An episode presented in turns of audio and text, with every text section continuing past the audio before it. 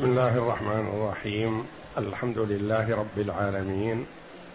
والصلاة والسلام على نبينا محمد وعلى آله وصحبه أجمعين. وبعد. بسم الله أعوذ بالله من الشيطان الرجيم.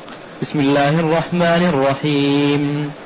أم حسبتم أن تدخلوا الجنة ولما يعلم الله الذين جاهدوا منكم ويعلم الصابرين ولقد كنتم تمنون الموت من قبل أن تلقوه فقد رأ ولقد كنتم تمنون الموت من قبل أن تلقوه فقد رأيتموه وأنتم تنظرون. هاتان الآيتان الكريمتان من سورة آل عمران. جاءتا بعد قوله جل وعلا وليمحص الله الذين آمنوا ويمحق الكافرين. أم حسبتم أن تدخلوا الجنة ولما يعلم الله الذين جاهدوا منكم ويعلم الصابرين ولقد كنتم تمنون الموت من قبل أن تلقوه فقد رأيتموه وأنتم تنظرون.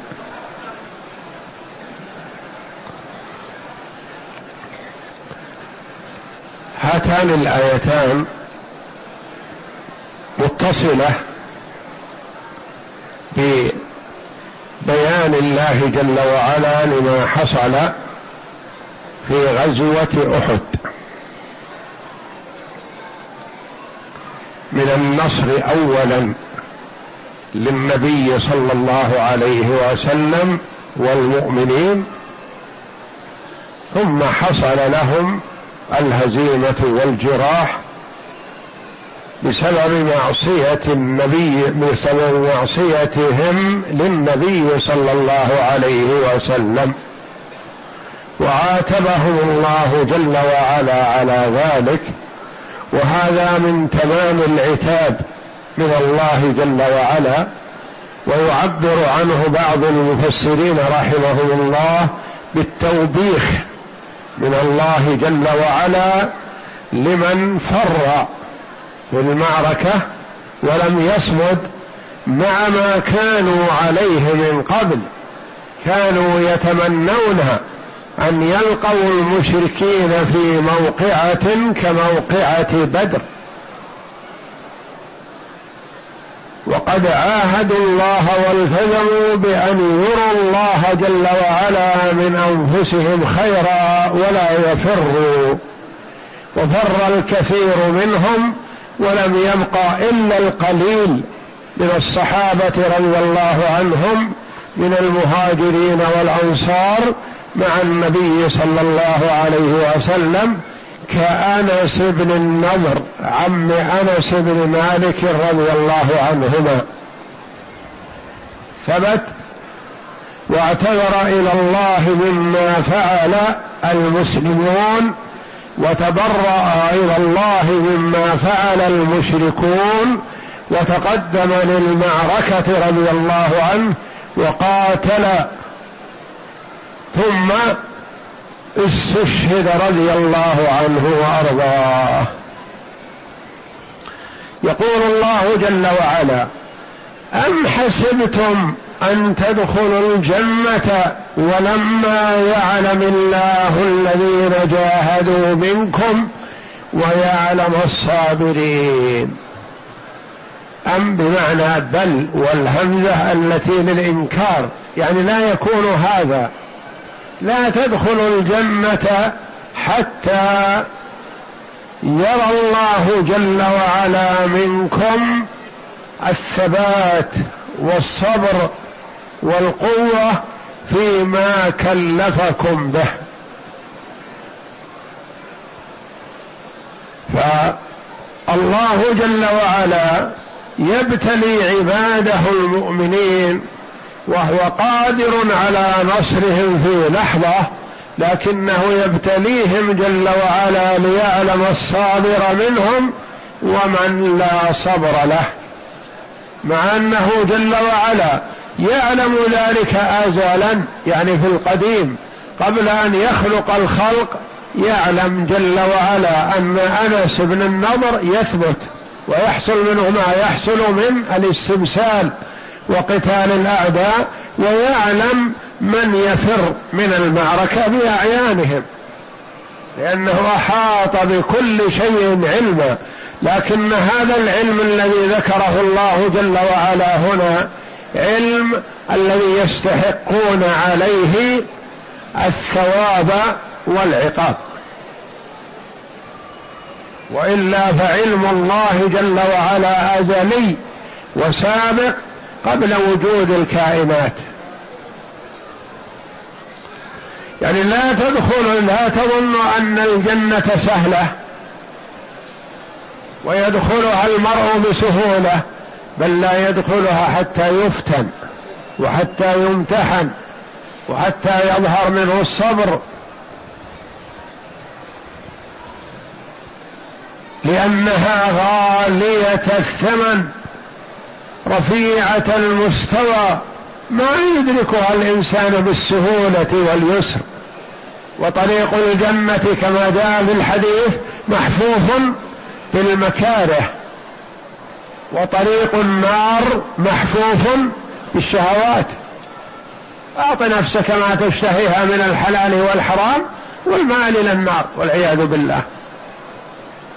امنع نفسك عما يغضب الله وصبر نفسك على طاعة الله وتحمل هذا. تحمل واصبر. إنما يوفى الصابرون أجرهم بغير حساب والمآل إلى الجنة.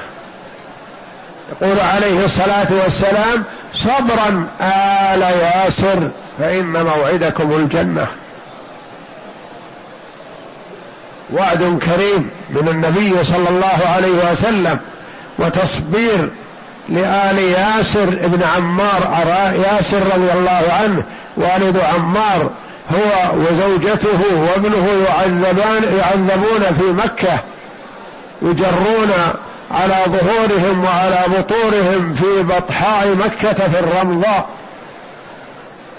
ويجعلون النار والملة الحارة فيلقون المرأة على ظهرها وعلى بطنه. وكما قال بلال رضي الله عنه ما يطفئ النار إلا الودك الذي يخرج من جسده رضي الله عنه. وصبروا صبرا آل ياسر فإن موعدكم الجنة. الصبر هذا مآله والجنة محفوفة بالمكاره والنار محفوفة بالشهوات. أم حسبتم أن تدخلوا الجنة؟ يعني لا تحسبوا أن دخول الجنة سهل ميسر. ولما يعلم الله الذين جاهدوا منكم لما يظهر جهادكم وملاقاتكم للأعداء وصبركم وتحملكم وتحملكم ويعلم الصابرين منكم من الفارين من المنهزمين. يعلم ذلك وهو يعلمه ازلا لكن يظهر هذا الذي تستحقون عليه الثواب الصبر. أو الفرار الذي تستحقون عليه العقاب. ولقد كنتم وهذا عتاب آخر أو توبيخ آخر كما يعبر بعض المفسرين رحمهم الله. ولقد كنتم تمنون الموت من قبل أن تلقوه فقد رأيتموه. هذا هو.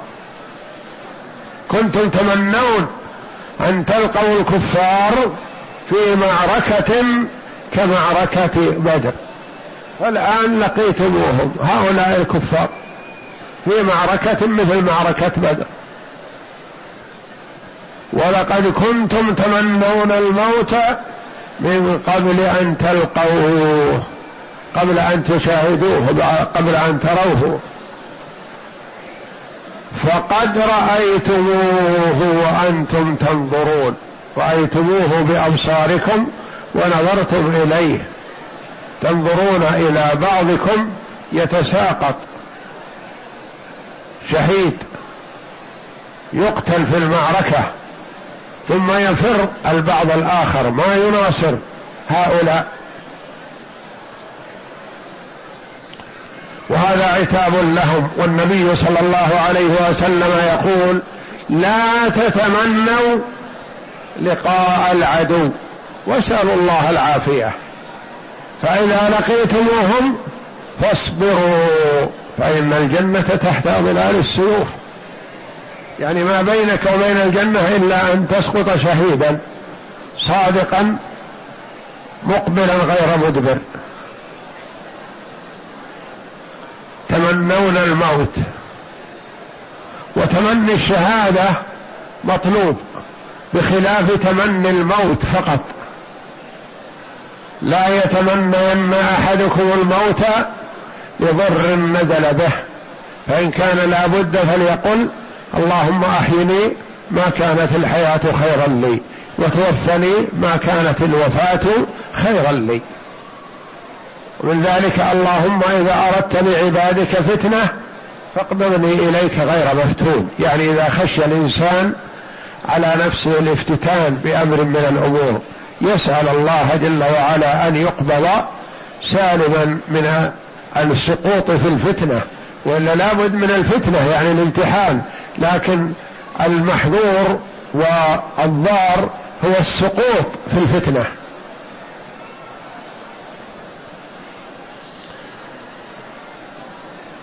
ولقد كنتم تمنون الموت من قبل أن تلقوه حينما كنتم في المدينة تتمنون.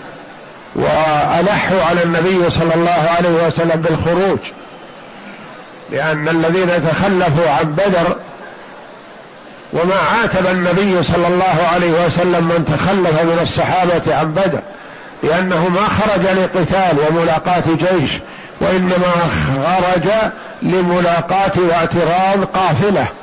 قافلة تجارة معها أفراد قليل من الرجال. ما توقع أنه يلقى ألف أو تسعمائة من كفار قريش معهم السلاح والعتاد والزاد والخيل والإبل.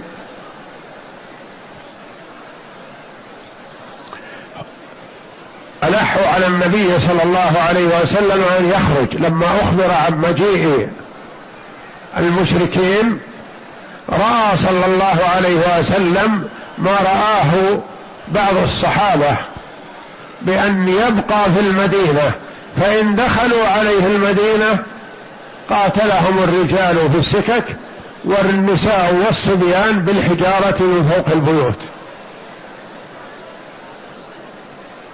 وإن أقاموا في أحد أقاموا على, على شر حال. وإن رجعوا رجعوا خائبين. لكن الذين تخلفوا عن بدر اشتاقوا رضي الله عنهم للقتال في سبيل الله فألحوا على النبي. فدخل النبي صلى الله عليه وسلم ولبس لامة الحرب. بعد أن رأى رؤيا عليه الصلاة والسلام أفزعته. رأى أن نفرا من أصحابه يقتل رأى بقرا تذبح ورأى ثلمة في سيفه فأولها وفسرها صلى الله عليه وسلم بأنه أحد من أهل بيته يقتل. يستشهد وقتل حمزة رضي الله عنه وقتل عدد من الصحابة رضي الله عنهم من المهاجرين والأنصار. فما أحب أن يخرج عليه الصلاة والسلام لكن بإلحاح من ألح خرج. فلما خرج إليهم صلى الله عليه وسلم وقد لم سلامة الحرب قالوا يا رسول الله لا نكن أكرهناك لأنه لام بعضهم بعضا. قالوا أكرهتم النبي صلى الله عليه وسلم على الخروج وهو لا يريده. فاعتذروا إلى النبي وقالوا نبقى يا رسول الله إذا رأيت ذلك. قال ما كان لنبي إذا لم سلامة الحرب أن ينزعها إلا بعد أن يحكم الله بينه وبين خصمه أو كما قال صلى الله عليه وسلم. فخرج عليه الصلاة والسلام وهو كاره ووجه الرماة فحصلت منهم المعصية والمخالفة فحصلت الهزيمة. ولقد كنتم تمنون الموت من قبل أن تلقوه. دل على أن تمني الموت شهادة في سبيل الله أنه لا شيء فيه. لأن الله ما عاتبهم على هذا.